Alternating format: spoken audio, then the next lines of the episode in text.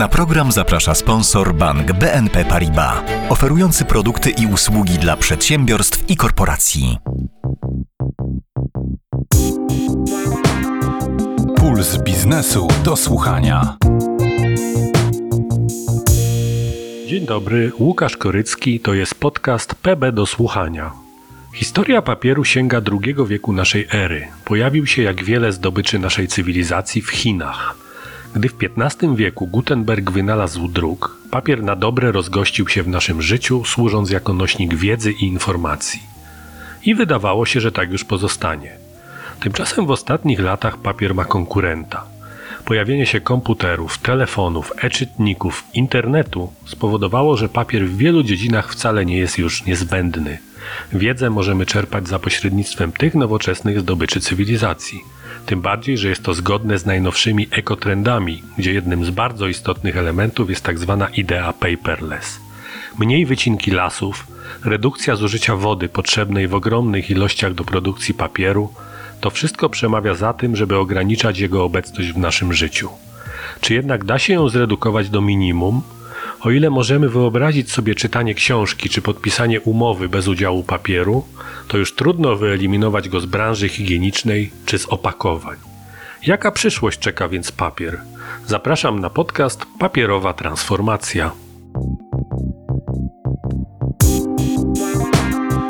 Puls biznesu do słuchania. Na początek porozmawiam z gorącym orędownikiem idei paperless. Powołał Komitet Transformacji Cyfrowej mający promować wykorzystanie nowoczesnych technologii w biznesie i administracji. Jednym z elementów tej idei jest program Biznes bez papieru. Jak biznes i administracja podchodzą do kwestii paperless?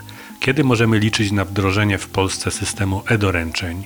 Czy mentalnie jesteśmy przygotowani na to, żeby sprawy biznesowe i urzędowe załatwiać za pośrednictwem nowoczesnych technologii? Moim gościem jest Michał Kanownik, prezes Związku Cyfrowa Polska.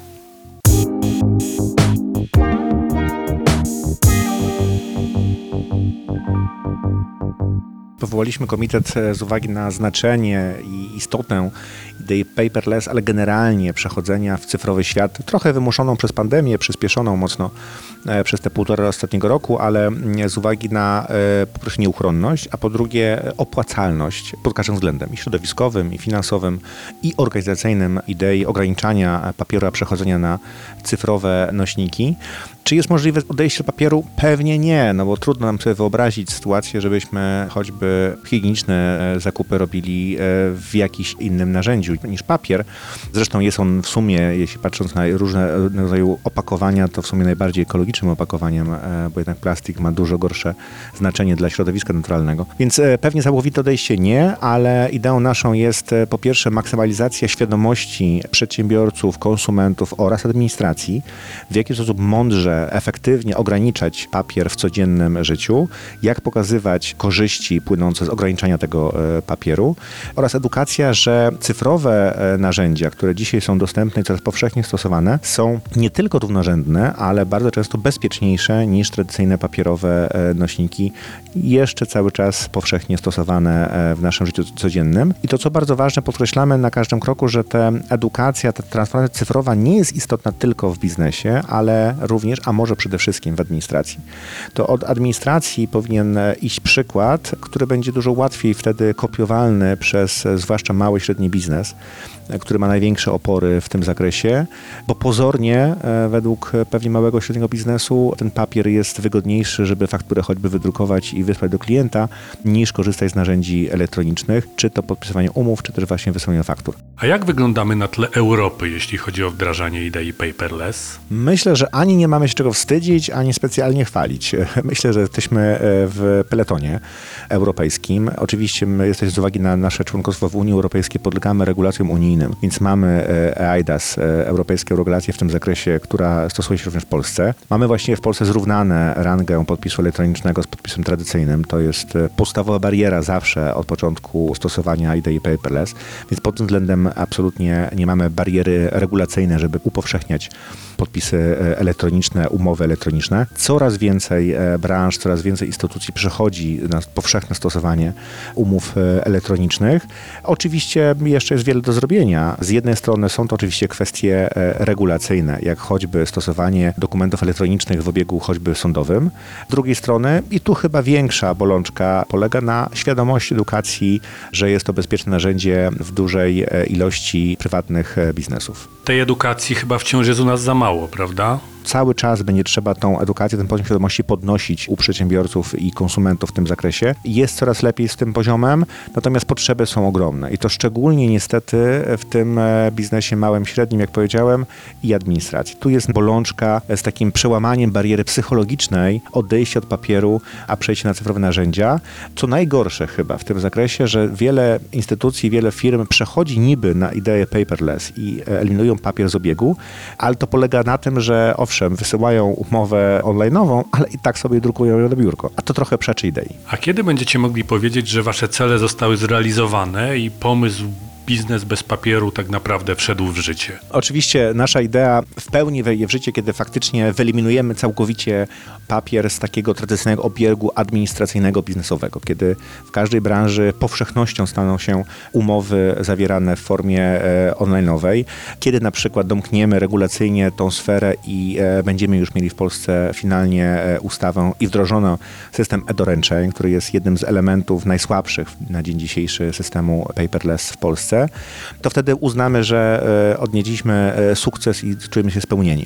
Na dzisiaj naszym celem jest upowszechnianie tej wiedzy i przekonywanie przedsiębiorców, że można żyć i funkcjonować bez papieru i to, co bardzo ważne chyba, co podkreślamy na każdym kroku, że funkcjonowanie bez papieru jest równie, a może nawet bardziej bezpieczne niż tradycyjna papierowa forma obiegu dokumentów. Kiedy wejdą w życie e-doręczenia? Na jakim etapie jesteśmy z punktu widzenia ustawodawcy? To jest e, ogromne wyzwanie dla całej administracji polskiej przejście na system e-doręczeń. Ten projekt rodzi się w bólach, nie oszukujmy się i to trzeba sobie uczciwie to powiedzieć. Dzisiaj najświeższa decyzja parlamentu jest kolejna na odroczenie wejścia w życie tej regulacji, ale wydaje mi się, że to jest finalny już moment, czyli na jesieni być, powinniśmy mieć e, wejście w życie ustawy, w przyszłym roku powinna ona wejść w powszechne funkcjonowanie i e, patrząc na też przygotowania polskich instytucji, czy to administracji, czy też Poczty Polskiej na przechodzenie właśnie w ten system, to coraz bardziej wierzę w to, że to już jest finalny termin i w przyszłym roku będziemy mogli powiedzieć, że system e-doręczeń będzie działał. A jak w praktyce będzie działał ten system? W jaki sposób y, będziemy mogli korzystać z e-doręczeń? System e-doręczeń największym wyzwaniem i rewolucją także z punktu widzenia konsumenta Kowalskiego będzie przejście na system doręczeń właśnie w relacjach z administracją, z sądami, czyli eliminacja tych kopert i papierowych świstków, które przechodzą do nas z urzędów. I to jest największa zmiana chyba psychologiczna nie tylko dla administracji, to podkreślmy, ale również dla konsumenta, że od mm, pewnego momentu e, będzie szukał nie w skrzynce pocztowej e, powiadomienia z urzędu czy też sądu o decyzji dla siebie istotnej, ale właśnie w skrzynce mailowej swojej.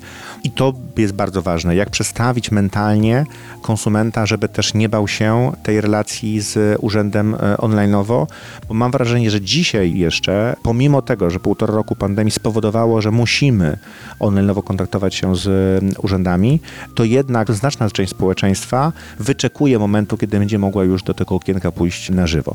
Z tym nie trzeba w dużej części się pożegnać i zadanie dla e, państwa to nie tylko uchwalenie regulacji systemu doręczeń, bo to jest w sumie najprostsza rzecz, ale właśnie przełamanie bariery mentalnej urzędników i obywateli w tym zakresie to jest wyzwanie, przed którym wszyscy stoimy. No najpierw chyba jednak trzeba trochę zainwestować. Jak dużo będzie nas kosztować nie tylko prowadzenie e-doręczeń, ale w ogóle paperless w administracji i biznesie? Przede wszystkim trzeba powiedzieć to, co pan użył w pytaniu, że jest to inwestycja. To nie jest koszt, to nie jest wydatek, to jest inwestycja. Gdyż pamiętajmy, że idea paperless wiąże się e, nierozerwalnie z oszczędnościami. Używanie papieru to jest jedna z podstawowych kosztów, które e, cała nasza administracja i biznes ponosi w codziennym funkcjonowaniu. Każdy Polak średnio, z tego co pamiętam, zużywa rocznie ponad 140 kg papieru. To jest przeogromna masa, która kosztuje. Więc e, podstawową informacją, którą chciałbym przekazać i administracji, i obywatelom, i przedsiębiorcom, to jest to, żebyśmy nie traktowali wydatków na ograniczanie papieru jako pustego kosztu, ale jako inwestycję w przyszłość, bo to nam pozwoli wygrać podwójnie. Po pierwsze finansowo, bo jest to ograniczenie kosztów, które codziennie musimy ponosić na kupno papieru i choćby jego wysyłania w tradycyjnym sposób pocztowym, a z drugiej strony korzyści nie do przeliczenia, nie do szacowania, to są korzyści środowiskowe. To jednak jest ograniczenie zużycia papieru, to jest oszczędność drewna, e, lasów, ale również oszczędność naturalnego środowiska, środowiska poprzez zmniejszenie ilości emitowanych gazów przy produkcji papieru, czy choćby później przy przewożeniu e, tych e, papierowych przesyłek e, drogą lądową.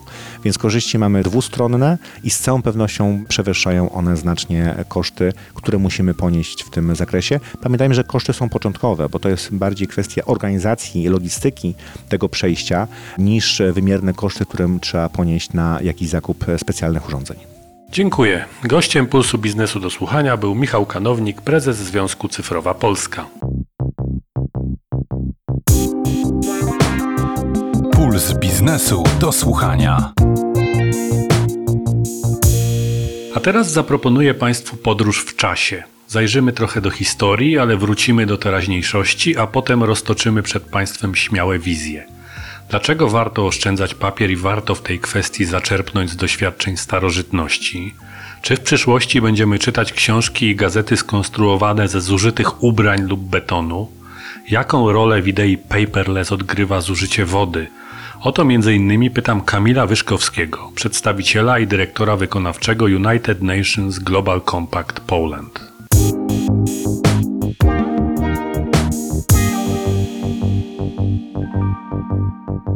To prawda, znaczy głównie gra rozbija się o zużycie wody do produkcji papieru. To jest jeden z czynników ryzyka, bo niewiele osób sobie zdaje sprawę, że celuloza, z której wytwarzany jest papier, to w procesie produkcyjnym no, zużywa się wody bardzo, bardzo dużo. Żeby wyprodukować 1 kg papieru wymagane jest zużycie 250 litrów wody i to jeszcze przy założeniu, że proces produkcyjny jest właściwie mm, zorganizowany. No, mamy miejsca, gdzie tej wody zużywa się, a właściwie marnotrawi się znakomicie więcej w procesie produkcyjnym. Dla porównania, żeby sobie uświadomić, że 1 kg pomidora, żeby wyprodukować, to jest 12 litrów wody. No ale mamy też e, liderów. 1 litr, czy może lepiej, jedna tona ropy naftowej to jest już, już 15 tysięcy litrów wody, a wyprodukowanie jednego kilograma wołowiny to jest jakieś 15 tysięcy litrów wody, więc też no, są te statystyki w sumie zasmucające. Wracając do papieru, no to żeby jego wytworzenie było atrakcyjne z punktu widzenia klienta, który ten papier kupuje, a wiadomo, że klientom zależy w szczególności na białym kolorze, no to znowuż są chemikalia, które zniszczają wodę także w procesie już takim poprodukcyjnym, czyli Kolejnym elementem, który byśmy mogli zapisać jako negatywny, to są szkody środowiskowe wytwarzane przez y, chemię, która do produkcji papieru jest wykorzystywana, czyli chemikalia. Następnie oczywiście wycinka drzew, no bo to zawsze tak się pojawi, jeżeli pozyskujemy drewno w celu produkcji papieru, to wiadomo, że to drewno skądś trzeba brać i kosztem jest wycinka lasów. Tutaj oczywiście są różne systemy certyfikacji, skąd drewno pochodzi, czy pochodzi z terenów objętych ochroną, czy ten wyręb drewna jest pozyskiwany półlegalnie, nielegalnie, czy może właśnie legalnie i pochodzi z lasów uprawianych, certyfikowanych i takich, gdzie w miejsce usuniętego drzewa będzie później nasadzone kolejne. Cofnijmy się kilkaset, a nawet kilka tysięcy lat wstecz. Jak na początku powstawał papier? Jeżeli patrzymy na historię papieru, to też pamiętajmy, że papier nie był na początku tak z drewna. Papier na samym początku w starożytnych Chinach robiono z tkanin, ze szmat. Czyli można powiedzieć, taka gospodarka o obiegu zamkniętym była wpisana w technologię produkcji papieru od samego początku, aż człowiek nie wpadł na pomysł, że w sumie z drewna ten papier robi się na skalę przemysłową prościej. Przy okazji jeszcze papier w tej technologii produkcji jest znakomicie mniej trwały niż ten, który był wykonywany metodą z czasów antycznych. Zresztą słynne papierusy, prawda, chociażby pokazują, że tego rodzaju technologie są bardziej trwałe, a książki zrobione z papieru kruszeją znakomicie szybciej i zamieniają się w proch, tak? czyli tracimy ten jakby dorobek myśli ludzkiej. Więc mnóstwo jest minusów papieru. Ale są też plusy, prawda? Plusy no oczywiście takie, no, że dzięki papierowi no, byliśmy w stanie dojść tam, gdzie jesteśmy. Od Gutenberga zaczynając, kończąc na tym, że no, edukacja i dostęp do wiedzy stał się dzięki technologiom drukarskim i dostępowi do papieru y, dla mas. Edukacja znakomicie bardziej poszła do przodu. Teraz mamy wreszcie zamiennik, no i okazuje się, że elektroniczne książki, czy tam wszystkie możliwe e-booki, edukacja w sieci, czy digitalizacja zasobów, też zasobów bibliotecznych, no to jest mniej więcej to, co jest przyszłością. Podobnie jak przyszłością stają się ekrany, które które można będzie składać i mieć w formie książki, czy już można kupić notatniki, które do złudzenia imitują kolor papieru, nawet jego fakturę, teksturę, czy też można sobie takim rysikiem elektronicznym po takim papierze elektronicznym rysować i nawet dźwięk jest podobny, a już na pewno wygląd takiego naszkicowanego elektronicznym ołówkiem zdania wygląda absolutnie tak samo, jak gdybyśmy pisali na zwykłej kartce papieru. Więc rzeczywiście raczej papier w masowej produkcji dla użytku biurowego e, idzie do lamusa. No też idzie do lamusa dlatego, że po prostu dla firm e, obsługa papierowa jest e, znakomicie bardziej kosztowna. A ile kosztuje wytworzenie papieru? Na pewno wytworzenie papieru, o tym w ogóle nie powiedziałem, to prawda, kosztuje energię. Jeżeli sobie uświadomimy, że wypracowanie jednej tony papieru to jest 400, prawie 500 kW, którą trzeba zużyć dla tego jakby napędzenia samego procesu produkcyjnego tła, no to oczywiście pamiętać należy, że według danych Międzynarodowej Agencji Energii na świecie 75% energii jest z węgla i innych paliw kopalnych. Więc oczywiście ślad węglowy gdzieś tam w tle mamy, poza tym, że mamy te wszystkie inne minusy produkcji papieru. Czy znajdziemy w takim razie jakieś nieelektroniczne zamienniki papieru? Czy są zamienniki inne, tak, które byłyby dla konesera, tak, jeżeli ktoś chce koniecznie mieć książkę w wersji nieelektronicznej, no to są. No, ja jestem zafascynowany technologią jakby powrotu do źródeł, czyli żebyśmy byli w stanie kiedyś w przyszłości tak zmienić globalny system tekstylny, żeby było możliwe wykorzystywanie szmat do produkcji papieru, jak to było u początku historii papieru, to wróciłbym do technologii z tych starochińskich, aż po technologie nowoczesne, gdzie wykorzystuje się do produkcji tak zwanego kamiennego papieru odpady pobudowlane, czyli takie no, kruszywo i wszystkie te pobudowlane elementy się rozdrabnia na drobny proszek, a następnie wiąże się poliuretanem. No i w konsekwencji mamy tak zwany kamienny papier, który ma mnóstwo korzyści, gdzie ta proporcja to jest 80% węglanu wapnia, czyli no właśnie gruzu, bo warto przypomnieć sobie, czym jest gruz. Gruz to beton, a beton powstaje z cementu, a cement to jest właśnie wapń. Tyle tylko, że palony w bardzo wysokiej temperaturze powyżej 1500 stopni. Jeżeli sobie wykorzystamy ten odpad budowlany i on wróci do obiegu w formie kamiennej książki, no to ona ma znowuż mnóstwo zalet, poza jedną wadą, jest droższa i to droższa około 20% od y, standardowego papieru.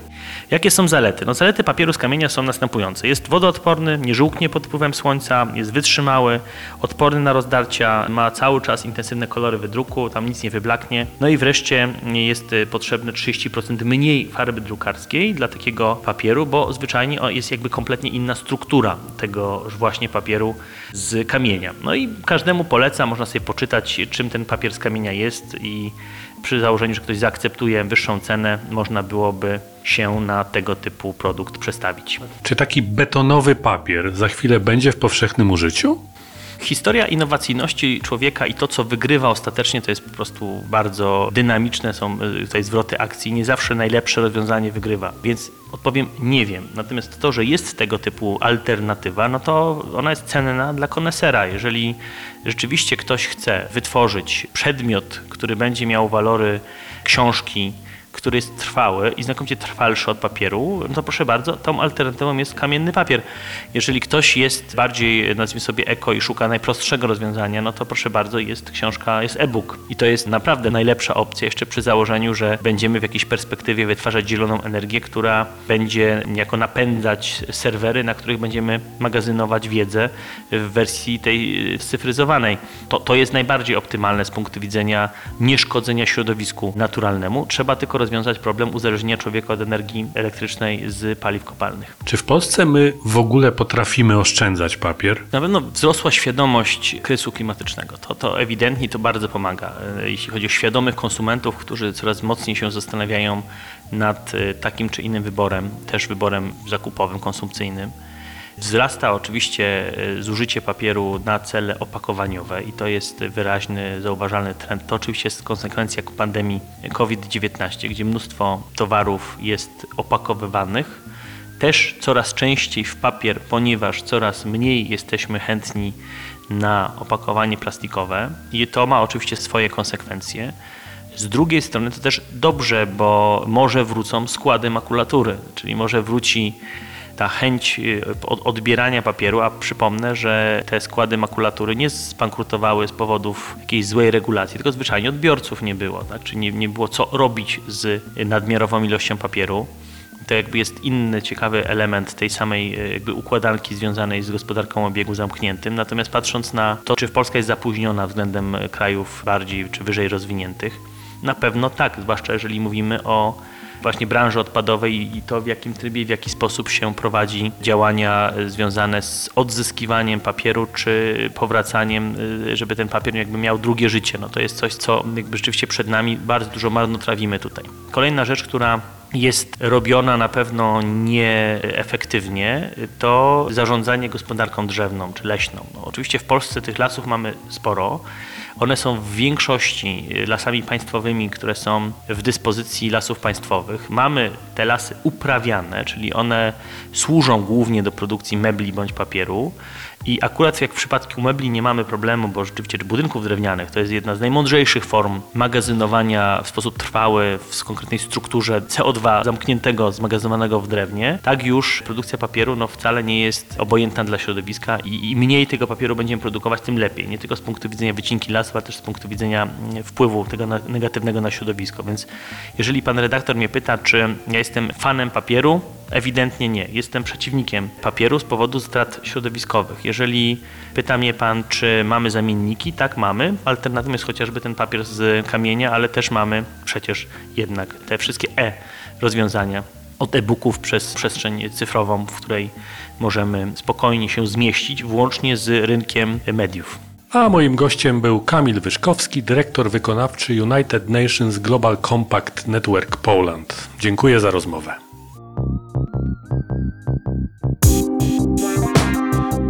Puls biznesu do słuchania.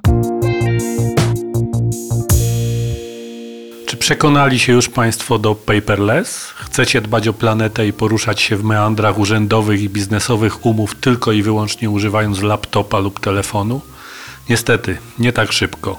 Paweł Punda, prawnik nowych technologii i cyberbezpieczeństwa w Interms radcowie prawni i adwokaci, opowie Państwu w jakich obszarach długopis i kartka papieru wciąż są niezbędne.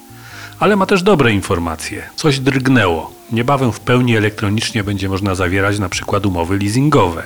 Postulujemy kolejne zmiany, na przykład w umowach na zakup nieruchomości. Ci, którzy niedawno przechodzili ten proces, pamiętają jeszcze na pewno, jak dużo czasu zajęło im podpisywanie stosownych dokumentów. Posłuchajmy.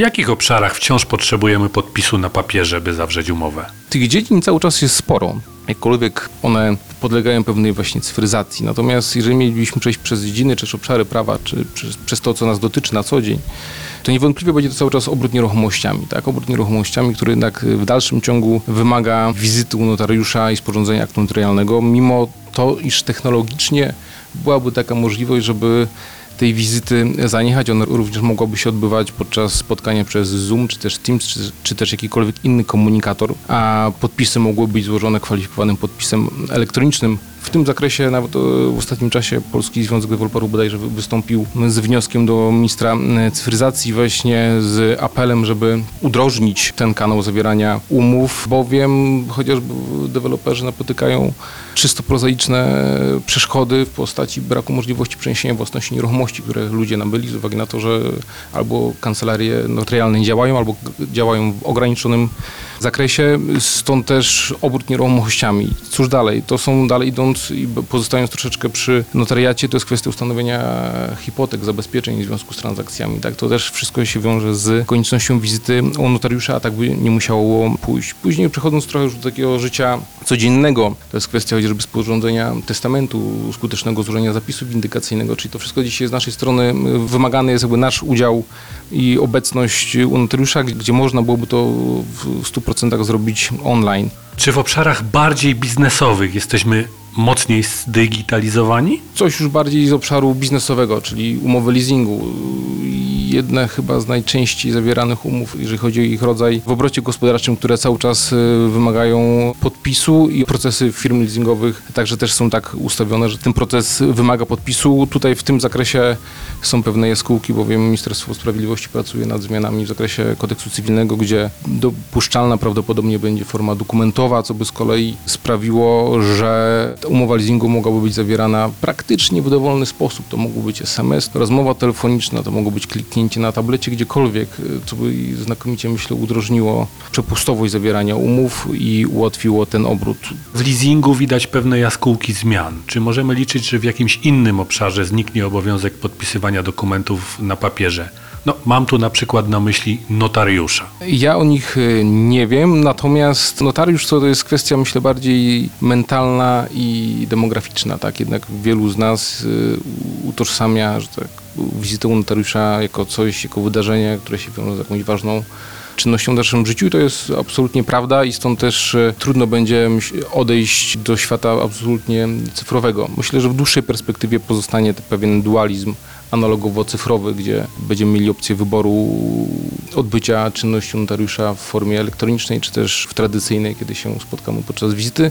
Natomiast e, pomimo też, tak jak wcześniej wspomniałem, pewnych apeli środowisk deweloperskich w zakresie zmian przepisów, natomiast e, tutaj tych jas- jaskółek nie widać e, na horyzoncie, tak jak w przypadku umowy leasingu. No to spójrzmy teraz, jak w ogóle wygląda proces podpisywania umowy bez konieczności składania podpisu na papierze. Czy on jest bardzo męczący? Ten proces do zasady jest prosty, intuicyjny, na pewno nie przysporzy podpisującym żadnych trudności.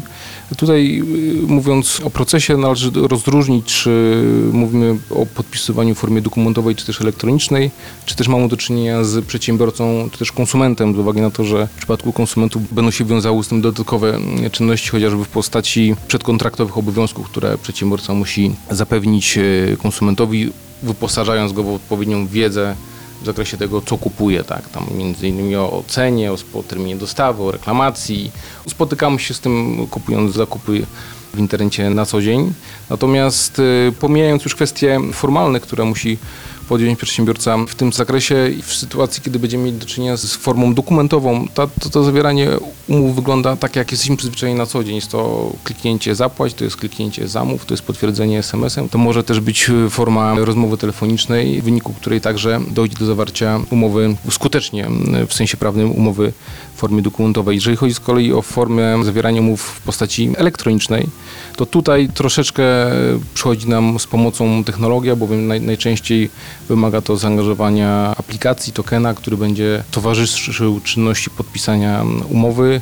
Najczęściej to wygląda w ten sposób, że otwieramy aplikację, uploadujemy dokument, który chcemy podpisać, potwierdzamy, że chcemy podpisać, dodatkowo autoryzujemy tą czynność PIN-em bądź w inny sposób, którego od nas oczekuje dostawca i na tym się kończy podpisanie umowy. Także w praktyce, czy to będziemy mieli do czynienia z formą dokumentową, która jest lżejszą formą, czy też formą elektroniczną, która jest bardziej zaawansowana i bezpieczna w obrocie, to są to czynności absolutnie osiągalne dla każdego z nas. Do podpisania umowy w formie elektronicznej jest wymagany podpis kwalifikowany. Czy to zdanie jest prawdziwe? Nie do końca jest to prawda. To jest y, zdanie prawdziwe w przypadku niektórych rodzajów umów, tam gdzie jest wymóg formy pisemnej pod rygorem nieważności. W, w takich przypadkach wymagana jest właśnie ta kwalifikowana postać podpisu elektronicznego, bowiem wówczas ten podpis elektroniczny równa się podpisowi własnoręcznemu. W przypadku wszystkich innych umów, kiedy ta forma pisemna nie jest zastrzeżona, przechodzimy na grunt właśnie formy dokumentowej. Jest to tak de facto dowolny sposób, jaki sobie wyobrazimy na zawarcie umowy i w tym zakresie jest absolutna dowolność. Wiele się teraz mówi o tak zwanych cyberzagrożeniach. Czy podpisanie umowy w sposób elektroniczny jest bezpieczne? Absolutnie tak. Powiedziałbym tak, że podpisanie umowy w formie elektronicznej jest tak samo bezpieczne jak podpisanie umowy w formie pisemnej. Tutaj w przypadku tych kwalifikowanych form podpisywania umowy w formie elektronicznej dochodzi nam z pomocą technologia, która daje nam pewność że co do osoby, z którą podpisujemy tą umowę, mimo to, że jej nie widzimy, mamy zweryfikowaną tożsamość tej osoby, także mam pewność, że to jest dana osoba. Mamy zapewnioną kwestię integralności danych, czy też treści umowy, którą podpisujemy, tak? czyli mamy pewność co do tego, że nikt nam w treści, w locie gdzieś nie podmienił treści tej umowy, także jest to absolutnie, absolutnie bezpieczna forma zawierania umów. Pamiętajmy też o tym, że chociażby z punktu widzenia poufności, tak, no często zawierana umowa w formie tradycyjnej wiąże się z wydrukowaniem dokumentu, ktoś może go podejrzeć, jest kwestia skanu, przesłania tego skanu, jest kwestia później wydrukowania, gdzie tam też może ktoś się zapoznać z treścią umowy, czego byśmy na przykład nie chcieli. W przypadku podpisywania umów w formie elektronicznej praktycznie te ryzyka są wyeliminowane z uwagi na to, że połączenie jest szyfrowane, tylko dwie strony się komunikują, które podpisują tą umowę, także tutaj te ryzyka, że ktoś nam podejrzy treść zawieranej umowy są wyeliminowane. Dalej idąc, to jest kwestia jakby e, dostępności, tak, co też jest istotne chociażby z punktu widzenia e, biznesu bowiem umowa zawarta w formie elektronicznej jest prawnie skuteczna, jest dostępna z każdego miejsca na świecie, gdzie w formie tradycyjnej pozostaje nam segregator i konieczność interwencji służb administracyjnych danej organizacji. To też wpływa z kolei świetnie na ciągłość działania firmy, tak? bo jeżeli mamy skutecznie zawarte umowy w formie elektronicznej, które są przechowane w, chociażby w chmurze, tak, to ewentualny pożar, zalanie, cokolwiek y, losowego, co by miało miejsce w danej organizacji, powoduje, że jesteśmy dużo bardziej bezpieczniejsi w tej formie elektronicznej. Także to też ta, ta kwestia bezpieczeństwa jest tutaj e, zapewniana. To, co jest jeszcze też istotne, to proszę też pamiętać o tym, że w przypadku tych kwalifikowanych form podpisywania umowy, to dostawcami rozwiązań są kwalifikowane podmioty w Polsce. Tak? To nie jest tak, że usługę w tym zakresie może świadczyć każdy. Jest dzisiaj bodajże pięć podmiotów, które tego typu usługi świadczą. Są to podmioty, które zostały audytowane na etapie uzyskiwania akredytacji. Są to podmioty y, później już po uzyskaniu wpisu do rejestru, który jest prowadzony przez prezesa Rady Ministrów. Są także co dwa lata audytowane. Są to podmioty, które posiadają ubezpieczenie. Także są to podmioty, które gwarantują nam, że y, cała czynność związana z podpisaniem umowy i integralność właśnie zweryfikowanej tożsamości, która jest kluczowa w obrocie internetowym, jest zapewniona i to daje absolutne, myślę, poczucie bezpieczeństwa. Tak? Bardzo dziękuję za te ciekawe opinie. Państwa i moim gościem był Paweł Punda, prawnik nowych technologii i cyberbezpieczeństwa, Interms, radcowie prawni i adwokaci. Puls biznesu do słuchania. Spójrzmy teraz na praktyczny wymiar paperless w bankowości. Przyjrzałem się działalności banku BNP Paribas w Polsce. Banku, który bardzo mocno w swojej komunikacji, w swoich działaniach stawia na ekologię. Czy klienci banku radzą sobie z obsługą bezpapierową, czy uznają ją za bezpieczną, biorąc pod uwagę, że przecież powierzają tej instytucji swoje oszczędności? Ile kosztuje wdrożenie technologii paperless i jak długo może trwać taki proces? Pytam o to Michała Miszułowicza, dyrektora do spraw współpracy z sektorem innowacji w banku BNP Paribas.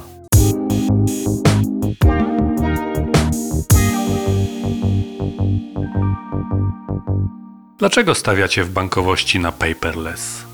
Jak to zwykle bywa, wszystkiego jest po trochu. Przede wszystkim, moim zdaniem, paperless jest podstawą do transformacji cyfrowej. Nie da się budować procesów cyfrowych na kartce papieru, musimy ją przenieść do świata cyfrowego. No i paperless jest najlepszym narzędziem do realizacji tego celu. Oczywiście można pomierzyć aspekty ekonomiczne, spina się to finansowo, no i wygoda, oszczędność czasu, miejsca, nie trzeba miejsca do archiwizowania pudeł z dokumentami. No i ostatnie, ale równie ważne, aspekty środowiskowe. Przyznam się szczerze, że ślad węglowy, który jest generowany przez papier, miałem mniej więcej pojęcie, natomiast ilość wody, jaka jest zużywana do papieru, jest przerażająca. Więc y, to są te wszystkie czynniki po kawałku. Myślę, że jest to też odpowiedź na oczekiwania naszych klientów. Nasz pierwszy proces paperlessowy, który wdrożyliśmy w banku, był to kredyt ratalny, oferowany w, u naszych partnerów y, w sklepach. No i nasi partnerzy y, nie byli zadowoleni ze składowania dokumentów y, objętych tajemnicą bankową pod kluczem u siebie w sklepach, bo zabierało im to miejsce, które potrzebowali dla swojej korowej działalności. Więc wdrożenie paperlessa było w pierwszym odruchu wyjściem naprzeciw y, oczekiwań naszych klientów. Ale każdy nowy projekt kosztuje. Czy strategią paperless wdraża się szybko i szybko ta inwestycja się zwraca? Naszym głównym partnerem w inicjatywie Paperless jest e, startup, czy już scale-up Autenti, z którym współpracujemy od 2018 roku. I może powiem na przykładzie ich produktu. Można przeprowadzić e, integrację z technologią Authentic, z technologią paperless swoich korowych systemów, tak jak to miało miejsce przy kredycie ratalnym czy nowszym procesie wpłat i wypłat gotówkowych w oddziałach. I to rzeczywiście jest kosztowny i długotrwały proces, jak każda integracja IT. Natomiast e, w trakcie pandemii w 2020 roku, jako że czas naglił, skorzystaliśmy z platformy self-service, również oferowanej przez e, Authentic i to jest zdecydowanie szybsze i tańsze wyjście. Jest to platforma platforma dostępna w modelu Software as a Service i tak naprawdę można zacząć e, korzystać i być paperless z dnia na dzień. Jak wasi klienci odnoszą się do technologicznych zmian? Czy jest grupa osób, która definitywnie życzy sobie wciąż dokumentacji papierowej? Na pewno są klienci, którzy wolą papier. Papier jest z nami od kilku tysięcy lat, e, wszedł nam w krew wszedł w nasze słownictwo, w naszą mentalność, choćby takie sformułowania nie mam na to papierów, czy daj mi to na piśmie. Ostatnio znaleziono na terenie Izraela y, pieczęć do pieczętowania towarów handlowych, która liczy sobie 7 tysięcy lat, więc to jest ogrom, ogrom przyzwyczajeń i czasu i na pewno są ludzie, którzy nigdy nie zdecydują się na całkowicie cyfrową obsługę, natomiast absolutnie nie zależy to od wieku. Chyba nie udało nam się jeszcze zidentyfikować jednorodnej grupy klientów, którzy nie chcieliby świadomie korzystać z paperlessa. Oczywiście jest trochę obawy przed y, nową technologią, natomiast tutaj wychodzimy naprzeciw, jesteśmy w stanie wszystko wytłumaczyć, jak przebiega proces, y, co się będzie działo w następnych krokach. Staramy się używać powszechnie dostępnych narzędzi dla tych najbardziej popularnych procesów. Na przykład korzystamy z SMS-a, którego właściwie 100% populacji jest w stanie obsłużyć. W bardziej zaawansowanych procesach jednak korzystamy na przykład z maila i wiemy, że nie wszyscy obsługują skrzynkę mailową z poziomu telefonu komórkowego, smartfona. A czy bankowość w oparciu o paperless jest bezpieczna? Tyle się mówi teraz o cyberatakach, a przecież w bankach mamy zgromadzone nasze oszczędności. To jest bardzo ciekawe pytanie i dosyć złożony problem, ponieważ papierowy obieg dokumentów również niósł ze sobą bardzo wiele ryzyk. Kilka lat temu była głośna sprawa, kiedy jedna ze stron pod umową, gdzie było za dużo miejsca zostawionego między końcem treści umowy a podpisami, dopisała własnoręcznie klauzule, które były dla niej korzystne. No i był poważny problem natury prawnej, co z taką umową robić. W przypadku paperlessa podstawowym wyzwaniem jest prawidłowa identyfikacja stron podpisujących. Jeżeli podpisujemy dokument papierowy, no to co do zasady powinniśmy się widzieć, ewentualnie wylegitymować. Obie strony powinny się znać. W przypadku paperlessa ta identyfikacja musi przebiegać na odległość. No i tutaj mamy kilka rozwiązań. Albo powinniśmy korzystać e, z podpisów kwalifikowanych, gdzie na wystawce takiego podpisu leży ciężar identyfikacji. Można już to robić całkowicie zdalnie. Jest tam kilka poziomów zabezpieczeń takiej identyfikacji i na podpisie kwalifikowanym można na pewno polegać. My na przykład mamy ścisłe procedury, skąd bierzemy dane identyfikacyjne przed wysłaniem dokumentu do klienta i mamy zabezpieczony sposób zmiany tych danych, więc my jesteśmy pewni, że dokument, który wysyłamy, trafi na pewno na dane, które klient nam wskazał jako właściwe dla niego. No a w przypadku pomyłki też zabezpieczamy dokument, który wysyłamy jednorazowym kodem SMS. Więc wydaje się, że całość rozwiązania jest przemyślana pod kątem bezpieczeństwa, zarówno cybernetycznego, co musieliśmy sprawdzić w kontekście umowy outsourcingu bankowego, którą zawieraliśmy z Autenti, jak i takiego ryzyka operacyjnego, Myślę, że ciekawostką jest, no, bank zabezpieczając się przed y, ryzykiem, musi sam wejść w buty i w skórę y, potencjalnych oszustów i spędziliśmy wiele godzin wymyślając, w jaki sposób można oszukać system, podstawić się za klienta, przejąć taką korespondencję i w odpowiedzi na wszystkie nasze pomysły adresowaliśmy problemy, szukaliśmy rozwiązania. Więc na pewno nigdy żadne rozwiązanie cyfrowe nie jest w 100% bezpieczne, bo w każdym uczestniczy człowiek, który jest zawsze najsłabszym ogniwem, ale w tym wypadku nie widać jakichś znaczących wad, które by powodowały, że paperless jest bardziej podatny na ataki czy na oszustwa niż inne inne kanały komunikacji. No i na koniec zapytam, jak dzięki paperless BNP Paribas w Polsce przyczynił się do poprawy klimatu, biorąc pod uwagę dotychczasowe efekty realizacji waszej strategii? Na początku tego roku na naszą prośbę firma doradcza KPMG przeprowadziła badanie, jaki jest koszt środowiskowy ryzy papieru właśnie w BNP Paribas, bo to zależy od tego, gdzie ten papier kupujemy, jaką drogą on przebywa od y, miejsca produkcji do magazynu, potem jak jest dystrybuowany do naszej sieci. No i średni koszt y, środowiskowy ryzy papieru w naszym banku to jest przeszło 2 kg dwutlenku węgla i 56 litrów wody. To jest y, łączny, łączny koszt od produkcji do drukarki. Nie liczymy w tym energii elektrycznej, ponieważ y, nasz bank całkowicie korzysta z energii odnawialnej. No i w ciągu 17 miesięcy zaoszczędziliśmy przeszło 3000 rys papieru, co przekłada się na 6,5 tony dwutlenku węgla i blisko 174 tysiące litrów wody. Żeby to zobrazować, taka ilość CO2 jest neutralizowana przez 1,5 hektara dorosłego lasu przez cały rok, a woda, czyli te 174 tysiące litrów, to jest prawie 7 cystern. Na pewno nie będziemy w stanie zrealizować celów zrównoważonego rozwoju Zielonego Ładu tylko rezygnując z papieru.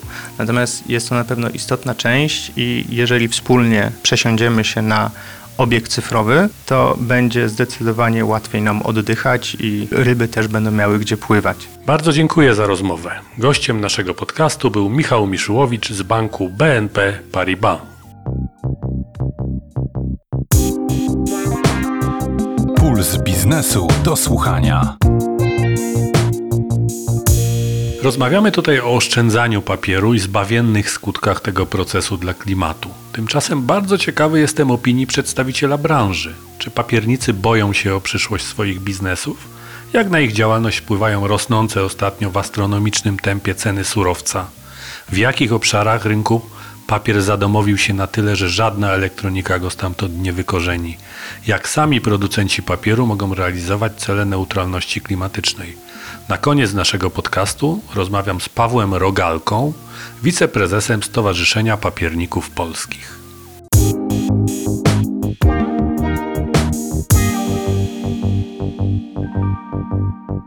Papier trzeba oszczędzać. W zasadzie trzeba oszczędzać wszystkie zasoby naturalne, bo wszystko, czego zużywamy, jest elementem naszego otoczenia, więc środowiska.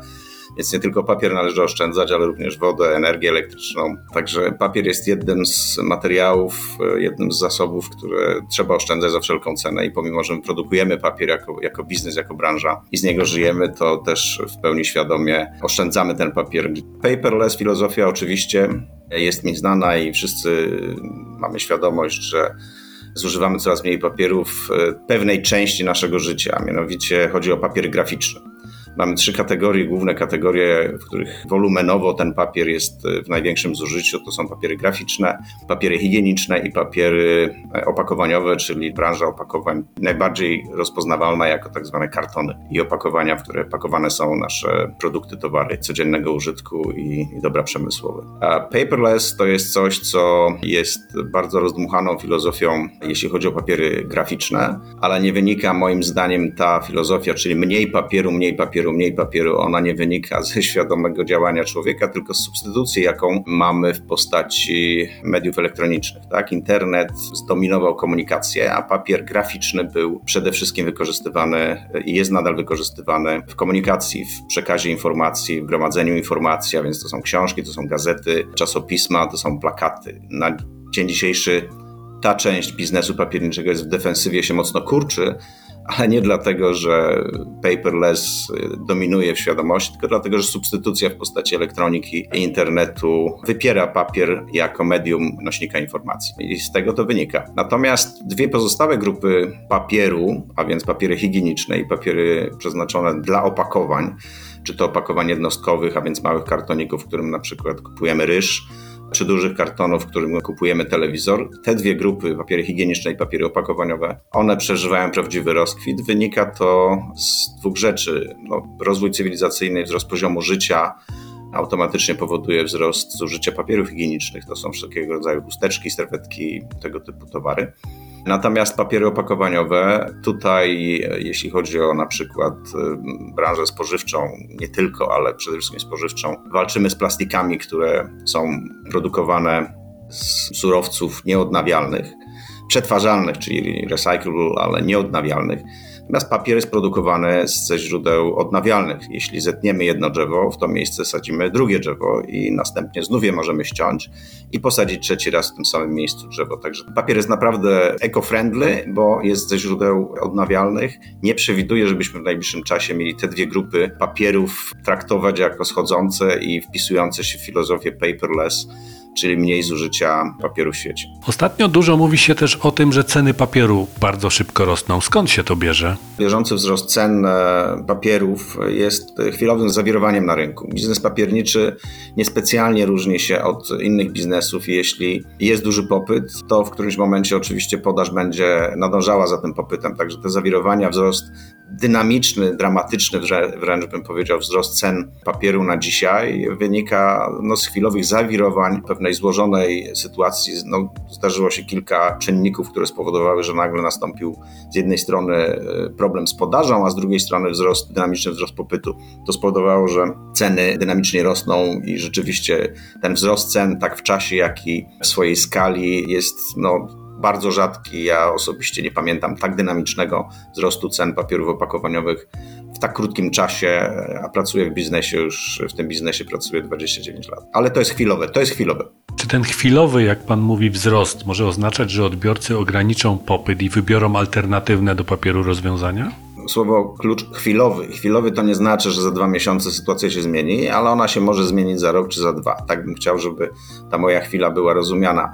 Nie, nie ma opcji na to, żebyśmy w wyniku wzrostu cen papieru zmniejszyli jego zużycie w tych dwóch kategoriach papiery higieniczne i papiery opakowaniowe. To jest trochę tak, jak, jak ze spekulacją, że skoro ceny ropy rosną, no to pewnie będziemy mniej jeździć i mniej tej ropy będzie się zużywać. W takim układzie inercja zmian jest zbyt duża i prędzej przyjdzie korekta cen dorzucenie wolumenu, a więc zwiększenie podaży, co w naturalny sposób e, przy w miarę stabilnym wzroście popytu, znaczne zwiększenie podaży spowoduje, że ceny w naturalny sposób się skorygują w dół. Także nie sądzę, żeby ta aktualna sytuacja wysokich cen na papierze miała spowodować e, odwrót czy zmiany na rynku i w stylu zużycia tego papieru, w sposobie korzystania z tego papieru. Nie przewiduję tego i byłoby to dość dziwne. Czyli papieru nie da się w większości wyeliminować, a są, jak to słyszymy, obszary, gdzie popyt wzrósł to co można zrobić, by produkcja papieru była jak najbardziej ekologiczna? A dlaczego mówimy, że papier jest eko? No, tak jak powiedziałem wcześniej, jest e, po pierwsze produkowany ze źródeł odnawialnych, a więc to nie jest jednorazowe zużycie zasobu naturalnego, tylko wielokrotnie możemy powtarzać powstanie tego zasobu, bo papier jest produkowany z celulozy. Celuloza jest elementem roślin, jakimi w większości są drzewa, lasy. Proszę pamiętać, że w większości regionów świata gospodarka leśna jest gospodarką planowaną. Tym się zarządza. To nie jest dzikie wyrąbywanie puszczy po to, żeby przemielić pozyskane drewno na papier i nic później na tym miejscu nie powstało. Większość krajów zarządza lasami. Tak jak się zarządza uprawą zboża czy kukurydzy, tak samo się zarządza uprawami lasów. Lasy to są uprawy. Trochę to dziwnie brzmi, natomiast taka jest rzeczywistość, więc my tym zarządzamy. Jeśli zużywamy jakąś część e, lasu, przerabiamy to na przykład na papier, w to miejsce powstaje nowy las. Okej. Okay Wegetacja to jest okres kilkunastu, kilkudziesięciu lat, zależnie od regionu świata, natomiast tym się zarządza. A więc to jest pierwszy taki główny element eko.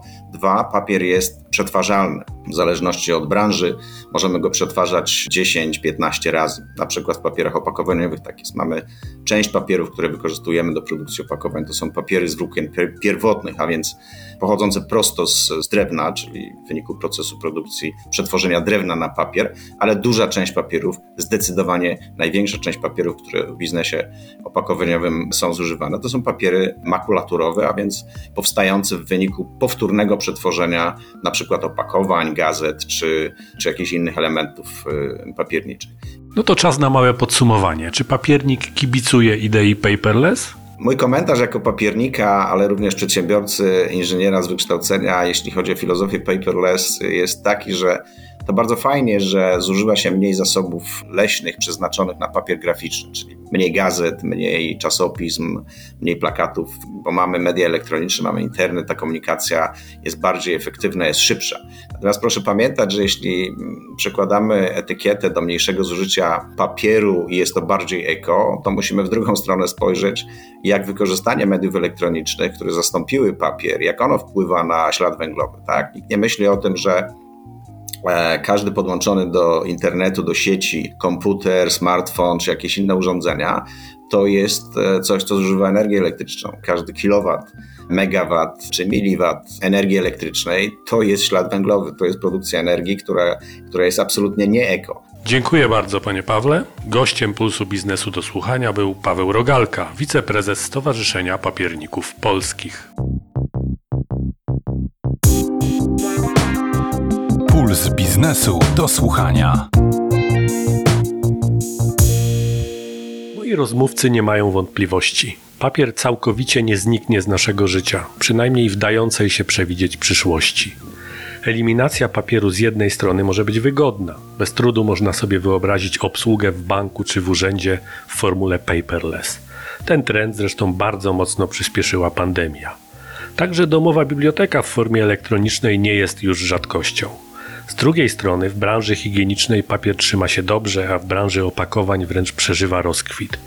I to nie jest wcale zła informacja z punktu widzenia światowych ekologicznych megatrendów, bo odpowiedzialnie produkowany papier może być znakomitą alternatywą dla dużo bardziej szkodliwych dla środowiska materiałów. To już koniec podcastu Papierowa Transformacja.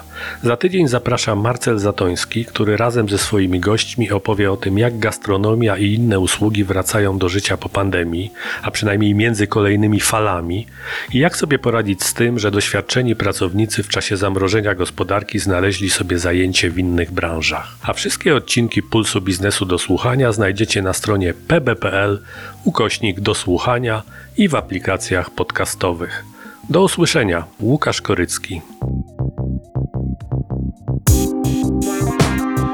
Puls biznesu do słuchania. Na program zapraszał sponsor bank BNP Paribas, oferujący produkty i usługi dla przedsiębiorstw i korporacji.